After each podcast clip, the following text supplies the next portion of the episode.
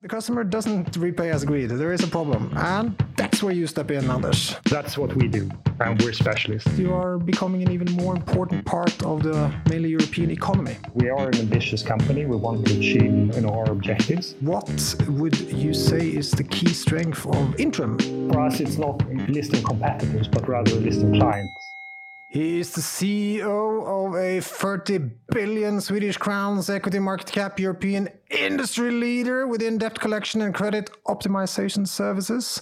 He has more than 80,000 clients across European banks, large European corporates, and utilities, as well as a growing cohort of SMEs and local businesses in 25 different countries. Every day, his company is in contact with 250,000 people in debt this company was founded almost 100 years ago, 1923, and our guest has been the CEO not quite so long. Actually, it's uh, shy of a year. When he was promoted to CEO on the 18th of October last year, he said, Our utmost objective is to support the economic stability in society and contribute to a sustainable sound economy. We're looking forward to hearing more about that. Welcome over Squadcast Video Link, Intrum CEO Anders Engdahl. Thank you. Thank you for having me. Do you get that kind of introduction every day you step into the office? I would love to have that every day when I step into the office. Thank you so much for, for giving me that introduction. So I think we should start one step back, which is, you know, what do you do and how do you help clients? Because I uh, actually saw this nice chart that the Arctic analyst Joachim made, and he said uh, the starting point is that the banks lends money to customers, and then there's a 50-50 chance, uh, or not, well, there's two, two alternatives. Number one, the customer repays as agreed, and number two, the customer doesn't repay as agreed. There is a problem, and that's where you step in, Anders. No, that's absolutely right. And, and fortunately, most of our clients, the, you know, particularly if you look at the, the banks and financial institutions, but also other companies have you know, bought or, uh, or sold a, a, product or service uh, that haven't been able to get paid, they do get paid for, for most part. But there's always some some part of that that uh, creates uh, a problem, and from time to time, that problem is, is a bigger problem than, than other times during the cycle. And, and that's where we come in and we can support our clients uh, with that part, part of the value chain. And for us, it's really important uh, to balance both being a good partner for our clients and to support our clients and helping their customers. So you so, have two business models, yeah. Anders. You are both a third party collector on behalf of someone else, and you buy portfolios. So I need to understand a little bit how that works in terms of what is your what would you say is your absolute core competence secret sauce? First of all, we have one business model, not two. Uh, and our business model is to support our clients in helping their customers. And we can do that in, in many different ways. And, and principally, we can help our clients and working with them as a service, as an agent, essentially, uh, on you know where, where we help our clients you know, improve their credit uh, collection uh, and, and supporting their customers, or we can act as principal where we buy the portfolios and then continue working with those customers on our own behalf. But it's all part of okay. one and the same client-centric model, just to be sort of clear. Oh, that's that good. Point. So we, I, I, was thinking a little, maybe I'm thinking a little bit old-fashioned that there is a difference between when you are third party or when you buy the whole claim. For us, it's part of one and the same value chain and one of the same service offering. We meet our clients as Intrum. And we have a broad range of, of solutions for our clients. And, and you know, we can go in and help them at a very early stage in their you know, life cycle. And we can also work at the very end of the life cycle, including them purchasing credits. But it's uh, all part of one and the same uh, offering to our clients. And that's an important point for us. No, that's excellent.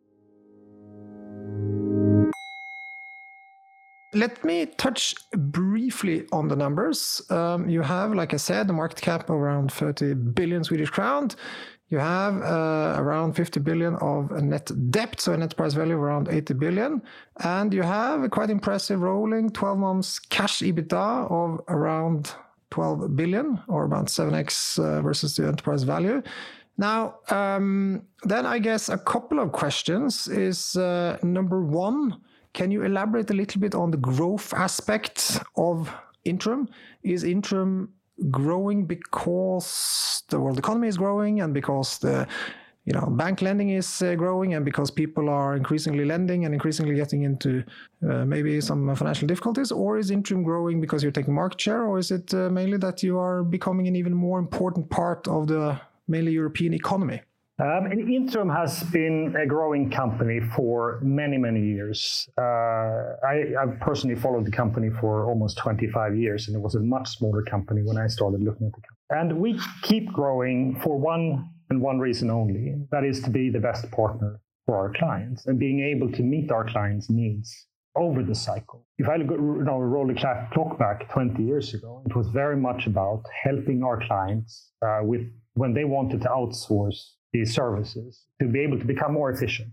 Uh, and that was uh, the trend in the, would say, you know, 20 years ago. Then we had the financial crisis in 2008 and 9, after which the, the uh, particularly in the financial institutions area, we saw non-performing loans uh, significantly increase in the European banking system. At that point, you know, the, the part of our business where we buy portfolios had a very strong growth phase. Then in, at the same time, we've also expanded geographically uh, entering into more markets. And today, particularly after the merger between Intrum Justitia, as it were, and Lindorff in 2017, we now have a complete uh, European footprint, and that's also contributed to the growth. So the growth has been driven, you know, in, in the different dimensions over time, but it also always centered around one thing one thing only: is our client centricity and helping our clients to help their customers. And can I ask uh, for the listeners that don't know this um, uh, concept of ERC? What, uh, pardon uh, the stupid question, what is ERC? ERC is, is an abbreviation, one of many financial abbreviations that are being used, and, and it's one which is particular for our industry. And it's it stands for estimated remaining collections. And it's a measure to when we have portfolios that we have acquired over the years. We make, you know, every quarter we update our forecasts on how much collections will come from these portfolios for the remain, remaining lifetime. And you know that's in aggregate. When we add it all up for all the 20,000 or so portfolios that we have bought over over the years, that amounts to a number which we call ERC.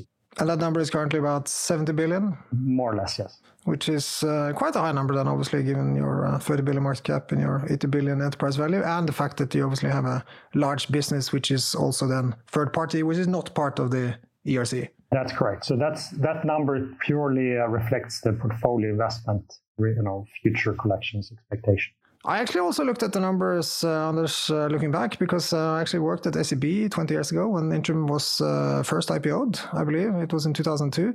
And uh, since then, uh, Intrum has actually gone up uh, on average 13% per year. So that's better than the OMX index, which has obviously been a good index, which is up 10.4% per year. But can I then, coming back a little bit, and I don't mean to be difficult, but you know, would you say that this is a growth industry because it is actually well why why is uh, why is uh, it a growth industry? Uh, i mean you're right and, and the you know value uh, development uh, that you're referring to the 13% is a factor you know reflecting that the company has delivered uh, approximately 12% CAGR so cumulative average growth rate for this period of time. If you look across the last 15, 20 years, the company has continued to deliver that amount of, of growth in earnings and growth in dividends. Uh, the company has delivered year-on-year growth in dividends without interruption. Uh, we never had a year with reduced dividends, and that's a reflection of the fact that the industry has been growing um, continuously uh, over this period of time, and we continue to expect it will grow for many years to come. And it's a there are a couple of fundamental or, or secular growth drivers that has supported the growth of the industry over this period of time. Uh, on the servicing side, uh, if you look at, at, at, debt collection as a service, a third-party servicing, there's been a, an ongoing uh, need for our clients to increase their efficiency, to focus on their core business, which usually, if you're a bank, it's bank lending and, and you know, expanding your client franchise as a lender if you're a company or corporate, then obviously if you're a telco, you have your telco customers, you want to make sure that you develop your services for that. And debt collection uh, is not your core industry. That's what we do, and we're specialists on. So it's been a strong drive from our clients to seek expertise, seek expert help, be able to to improve the efficiency in that, this part of of, uh, of their business. And that continues to be an important driver. Uh, and if we look at it more recently, if we look at the financial institutions, uh, obviously, you know, with with challenging return on equity that that the banking industry in Europe has faced for the last 10 or 12 years, with increasing capital requirements and so forth, there's been a very strong push towards reducing uh, cost income ratios and, and, and increasing their own efficiency and focusing their spend into digitization and, and, and a client offering to develop their core business. Uh, similarly, on the portfolio investment side, we've had a, uh, and particularly in the last 15 years or so, uh, 13, maybe 13 to 15 years, we've seen the um, the growth on the uh, portfolio sales side. So where banks and financial institutions in particular have, uh, you know, they saw a very significant increase of non-performing loans in the aftermath of the financial crisis, following which we had significant regulation uh, from the regulators of the banks uh, forcing them to to provision more provision earlier for, for non-performing loans. And that so the cost to hold loans on balance sheet has increased dramatically for, for banks. And that's also where we can come in and help them to, to then take over those exposures and, and then work them out uh, on our own behalf.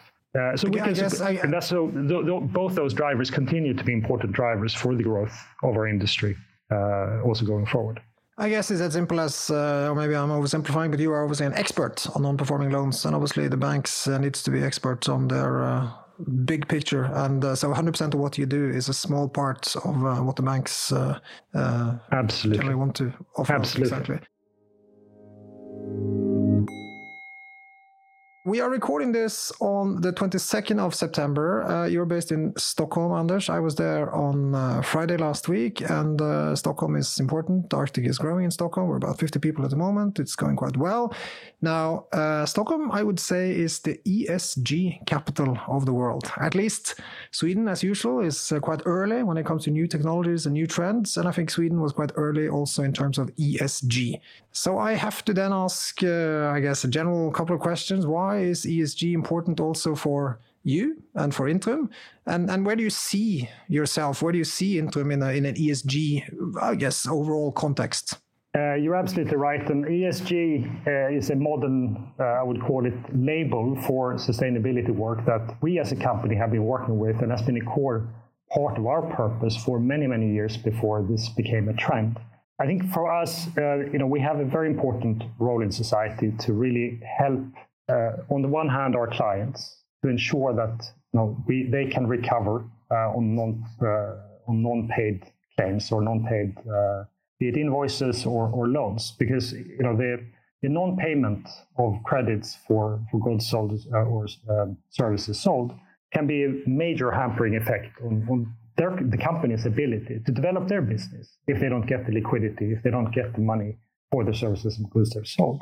So that's the sort of the client side of the equation. On the customer side of the equation, uh, obviously, uh, you know, we help our clients' customers find ways to get themselves out of a troublesome financial situation. And you know, if you have a customer who, for one or the other reason, have ended up in a troublesome situation, you need to have you know both a long-term perspective and a, uh, a palette of solutions that works for that individual customers and we can provide that for our clients customers in a different way than our clients can themselves so being able to work both uh, vis-a-vis our clients and our customers and bridging that gap uh, is an important um, function in society so for us esg when we look at esg it's really about the s uh, in esg the social dimension the that social. is core mm-hmm. to what we do so we built a a full framework uh, around our ESG agenda and set out a number of targets that particularly target the, the social aspects of, of what we do.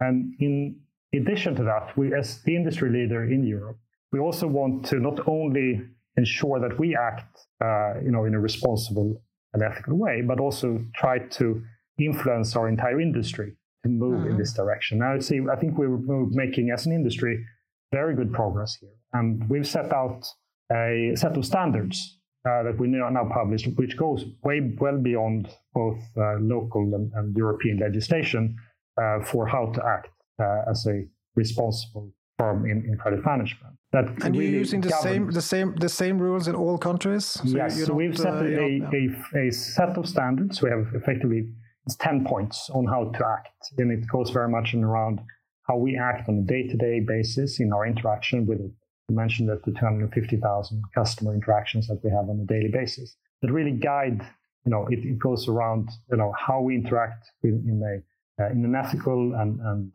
professional way to, towards our, our, customers that we act with in- integrity and confidentiality that we honor you know our customers privacy.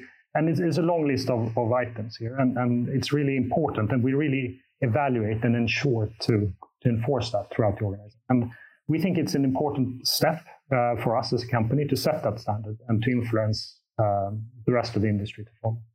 And it may be a little bit unfair, but uh, since I'm based in Norway, uh, we had this Norwegian uh, new uh, inkasso law not uh, long ago, uh, or maybe it's not actually put into law, but it's a suggestion which I believe is coming into law, which basically I think was uh, reducing the. Uh, uh, I think it was an absolute maximum limit that was set, especially on uh, smaller claims, that you cannot take too high fees on smaller claims. And I think that there was a background which was maybe related to uh, one or two companies that maybe was making too much money, especially I think in terms of maybe a little bit vulnerable customers that went to the doctor.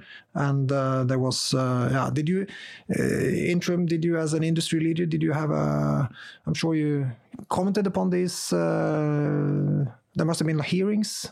Uh, of course, and, and our Norwegian, uh, you know, market uh, MD has has been obviously the leading person for that. I obviously have a broader uh, knowledge of it from a high level perspective. They know the know all the details. But what I can say is that we as a company are supportive of uh, of the direction of ensuring that we know, that that uh, debtor fees being charged, for instance, are in proportion and, and are reasonable in relation to the size of the claim.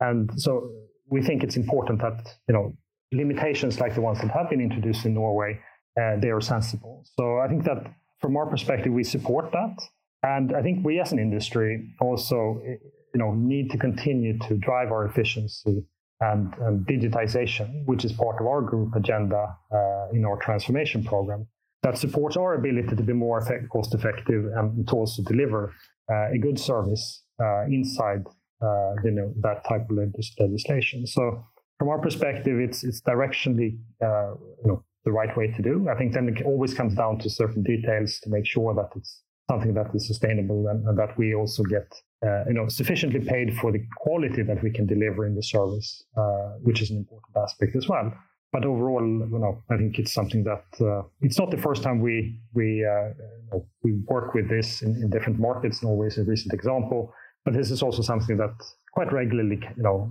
that we see in many markets that we operate, and we are very active participants uh, when these uh, discussions are are going.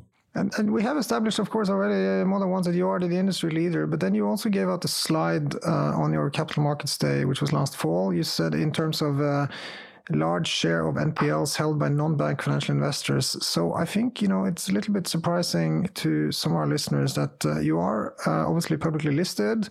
Uh, when I and you looked at the company first time 20 years ago, it was owned, I think, by Industri Kapital. And uh, then, of course, you have a big uh, private equity shareholder today, which is Nordic Capital.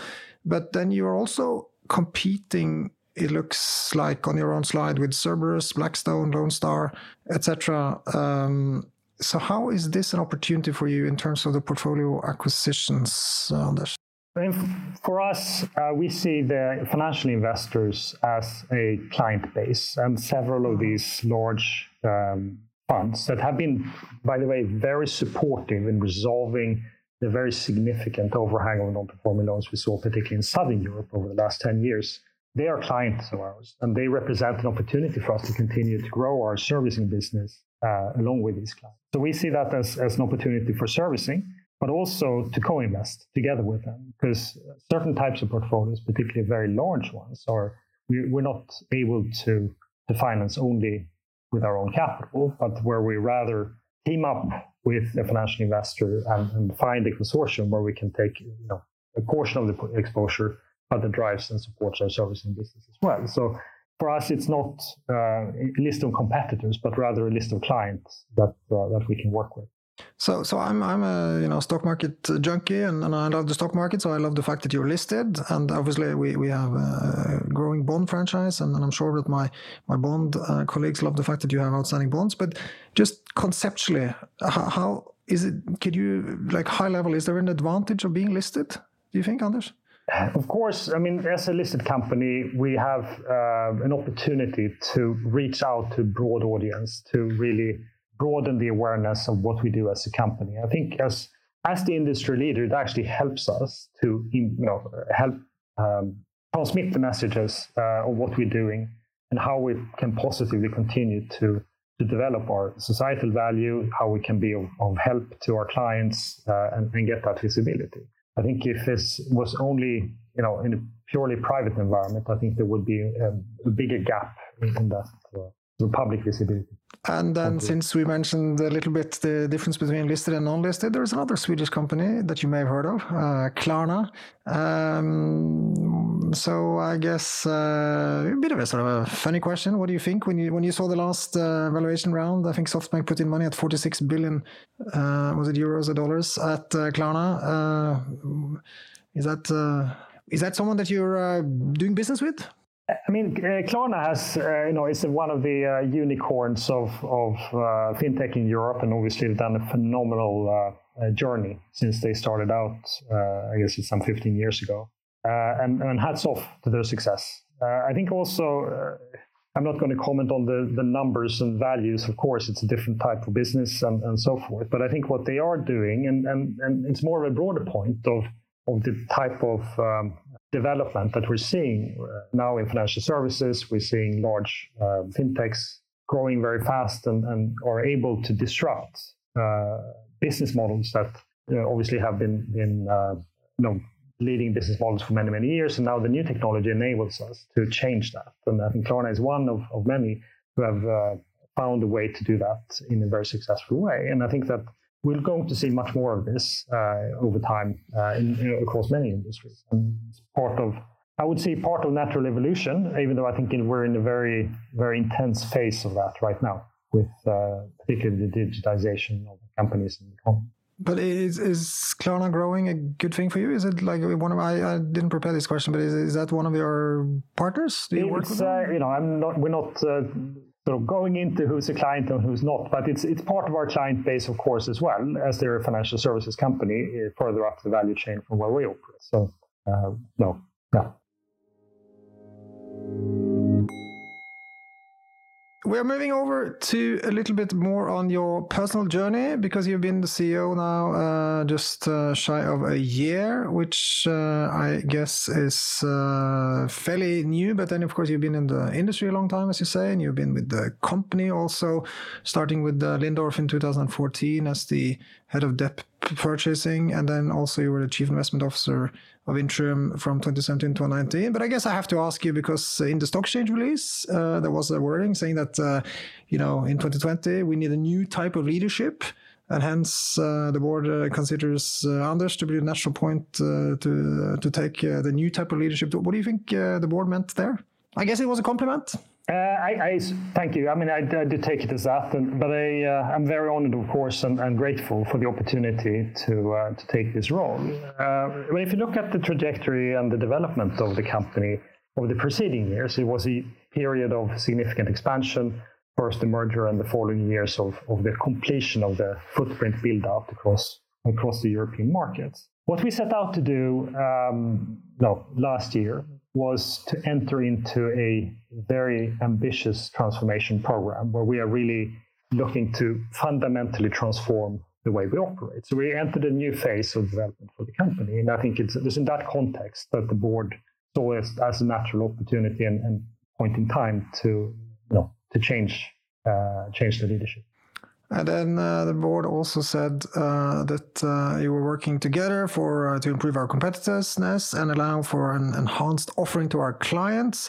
And then I guess we should also touch upon the fact that you have a pretty punchy financial targets, uh, which uh, remind me, I guess they're all important for you. But if you had to pick one between growing cash return inter- uh, cash returns by more than 10% over the medium terms or uh, growing the uh, growth by more than 10% and then of course you're also increasing like you said the dividend every year what is your favorite financial target when we look at the financial targets it's really a balanced uh, scorecard if you will because obviously we we have a business that, on the one hand, uh, we provide servicing uh, to our clients as a, as a third party servicer, but also buy portfolios from our clients, which consumes capital. For us, it is important to ensure that we continue to improve the return on the capital in the business and invested into the business. And if we're able to do that, it also generates more capital for us to be able to grow. So they very much interlink these targets. We have a leverage ratio target, which is uh, in that sense a constraint, but also a allows us to ensure a balanced leverage, uh, not too low, not too high over time.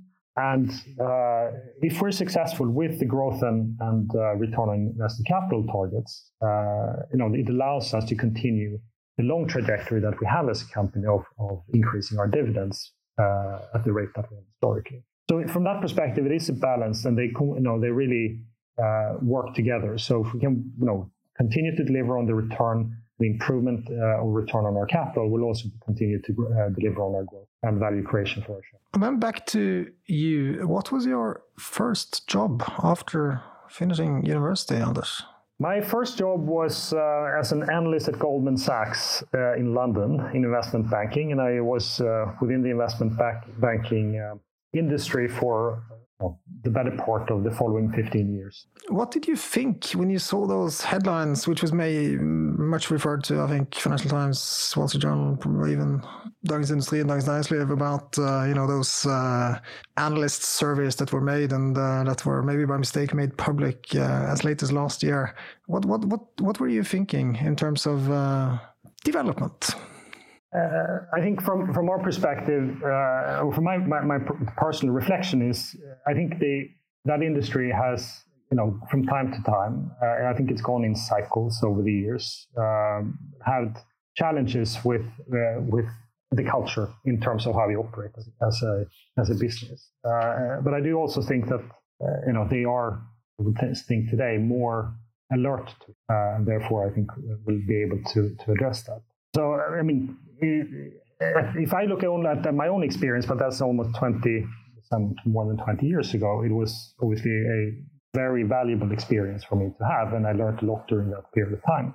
That things that I can obviously have use for uh, in my subsequent career uh, afterwards. So from our, you know, I, but I don't think really has any, uh, well, I don't know. I, mean, I haven't been in that environment for more than 10 years. So things may have changed no, I mean it was my first job. Um, my first job was with Morgan Stanley in London, uh, also twenty plus years ago, and and uh, I must admit my reflection was I was a little bit surprised that things hadn't changed more because there has been obviously the rest of society has moved I think more towards automation, digitalization, and uh, you know, seeing what humans are good at. And it seemed to me that some of the criticism was, you know, a little bit, it seemed a little bit, uh, I think, old fashioned, uh, that uh, the way they were treating people. But uh, moving aside from that, then, uh, what would you say is the key strength of Intrum as an employer?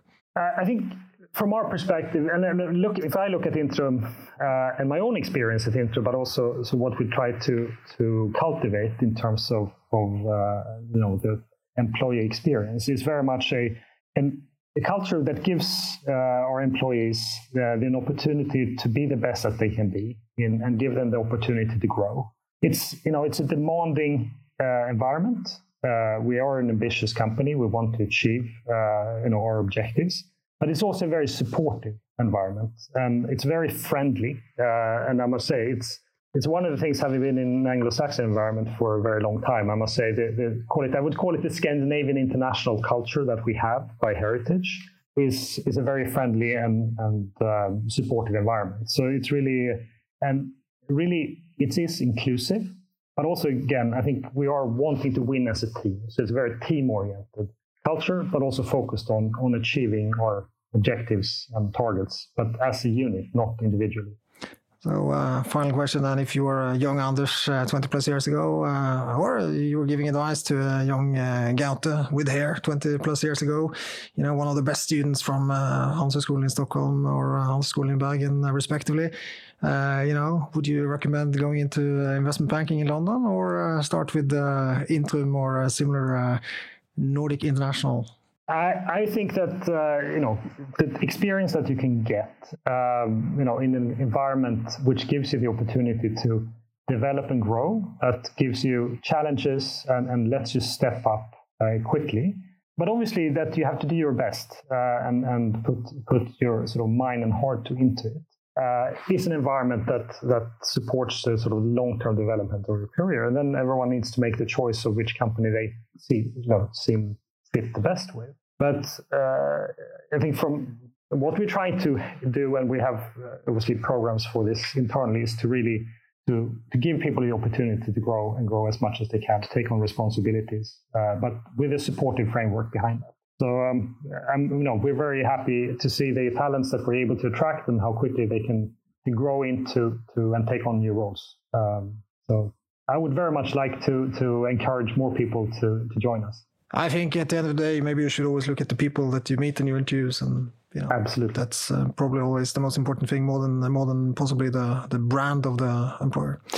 Uh, with those words on recruiting, we have a lot of student listeners. Uh, I think we are uh, rounding off. Obviously, we're pleased to have you with us, uh, Anders Engdahl, CEO of uh, Intrum, and we will be back uh, next week with another exciting international guest. So, uh, thank you very much, Anders. Thank you, Galte.